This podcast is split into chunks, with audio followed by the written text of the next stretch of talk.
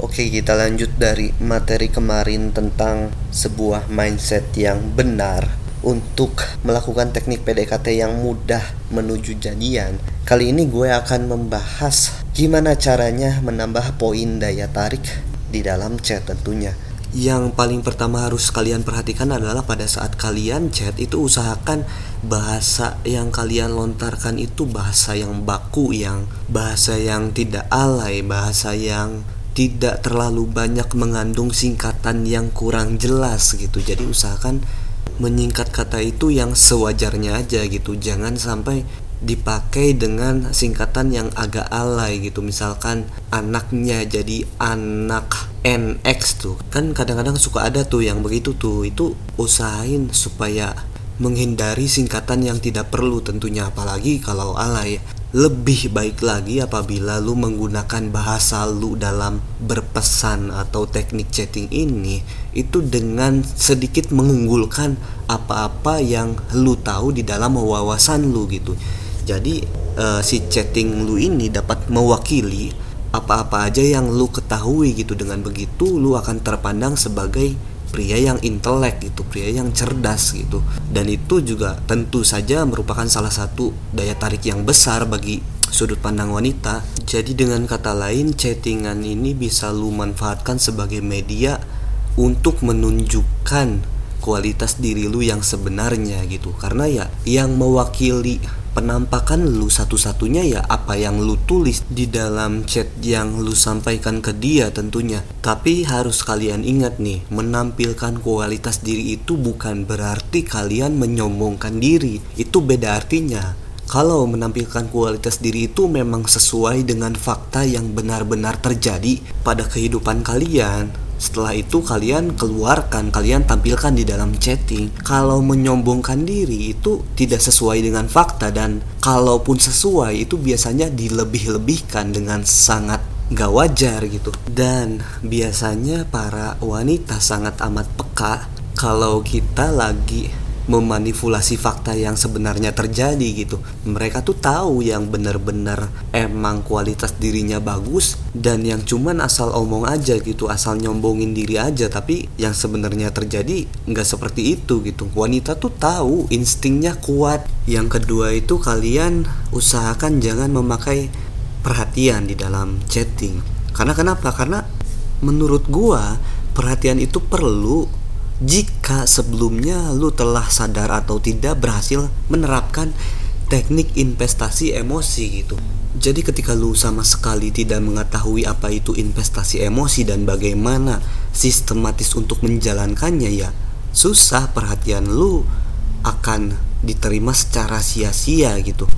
Mungkin, mungkin jika dia dari awal sudah tertarik sama lu, itu bisa aja dia jatuh dengan perhatian lu. Cuman kebanyakan para pria yang telah menerapkan teknik perhatian ini di dalam chatting, itu mereka lebih terjerumus ke arah friendzone gitu karena porsi-porsi perhatian, porsi-porsi selalu ada buat dia, selalu berbaik hati buat dia, selalu mencari solusi untuk segala permasalahan dia, itu adalah porsi-porsi yang seharusnya diberikan oleh seorang sahabat dekat atau oleh seorang kakak jadi jangan heran banyak para pria yang udah mati-matian merhatiin ceweknya, udah mati-matian selalu ada dan lain-lain. Toh ujung-ujungnya ya kalau nggak friendzone ya ujung-ujungnya jadi adik kakak zone gitu. Tapi sekali lagi kalau lu udah melihat dia tertarik sama lu, lu boleh banget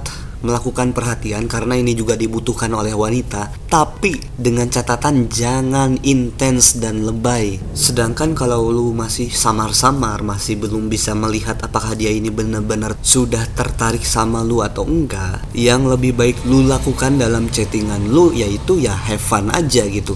Diskusi sana sini, bercanda-bercanda gitu. Dan usahakan ya jangan have fun-nya itu dipertahankan setiap saat gitu. Semakin bergulirnya waktu, lu pun harus punya batasan waktu tertentu supaya ya ke depannya kata lu ini ada peningkatan nggak cuma di zona have fun doang karena tujuan akhirnya pada PDKT lewat chatting adalah lu bisa dapetin hati dia yaitu salah satu ciri-cirinya adalah dengan lu sudah bisa chattingan dengan bahasa-bahasa mesra dengan dia. Jadi sebenarnya kalau dia udah tertarik nih, itu satu hari dua hari doang. Ketika lu canggih bermain chatting, itu toh langsung bisa kok lu ajak jadian gitu. Asalkan dalam tempo dua hari itu lu udah ketemu sama dia dan dia pun tertarik sama lu dalam kehidupan nyatanya nggak cuma di chatting doang. Makanya nih penting banget kasih batasan waktu ketika lu melihat tanda ketertarikan dari dia, lu kasih batasan waktu minimal seminggu lah sampai lu bisa chattingan sampai mesra sama dia gitu. Banyak para pria yang chattingan udah berbulan-bulan bahkan bertahun-tahun toh nggak jadian juga pada akhirnya, yaitu karena emang PDKT ini masa emasnya hanya ada di awal-awal gitu. Makanya mungkin kalian sering sekali melihat para pria yang sering banget gonta-ganti pasangan dengan bermodalkan chatting doang dan kalian pun sering melihat uh, di lain sisi para pria yang berjuang demi seseorang bahkan sampai bertahun-tahun melakukan teknik ini itu, metode ini itu curhat ke sana ke sini untuk mendapatkan hati pasangannya atau gebetannya. Atau pada akhirnya justru dia ditolak-tolak juga gitu. Ya karena apa? Karena mungkin banyak kesalahan yang telah dia lakukan dalam chatting Kemudian faktor berikutnya adalah dia terlalu lama mengabaikan bahwa segmen PDKT ini ada umur emasnya gitu. Ada zona premiumnya di awal-awal gitu. Dan sering kali baik wanita maupun pria mengabaikan tentang hal ini atau bahkan tidak tahu menahu sama sekali tentang hal ini. Untuk pembahasan mengenai umur emas dari PDKT itu akan gue bahas di audio premiumnya ruang katalis dan tentunya teknik untuk meningkatkan daya tarik dari chatting pun akan gue tambahin pembahasannya di sana bagi lu semua yang tertarik untuk mendengarkan audio premium ruang katalis yang isinya tentunya nggak akan pernah gue bahas di sini. Boleh banget dibeli nih audio premiumnya. Karena dengan lu membeli audio ini tentunya lu akan sangat mempersingkat waktu. Karena apa-apa yang gue berikan dalam audio premium ini memang sudah di reset oleh gue selama empat tahun ke atas gitu. Jadi ketika lu ingin menemukan hal ini sendirian